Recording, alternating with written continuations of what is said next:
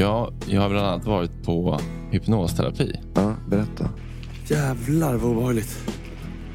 Det är verkligen hjärtklappning alltså. Men vad har varit din största eller dina största rädslor inom livet? Ja, det vidrigaste man kan vara med om. Så jävla obehagligt. Men det farliga är ju vad jag har gjort för att bedöva dem. Mm. Dragit i mig massa kokain. Nej, jag är rädd i varje sekund för att inte vara tillräckligt intressant eller sexig eller ehm, attraktiv. För jag vill inte någonsin behöva uppleva den där känslan av att bli sviken igen. För jag vet hur ont den gör och jag vägrar acceptera den. Att bli lämnad av min mamma, det betydde döden.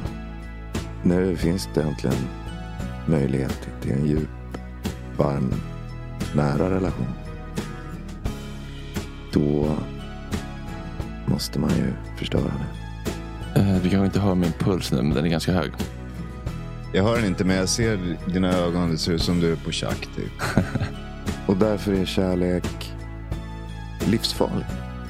Är du rädd för att hitta dig själv? Så här. Vem är där under alla dessa allt skådespel, alla försvarsmekanismer, allt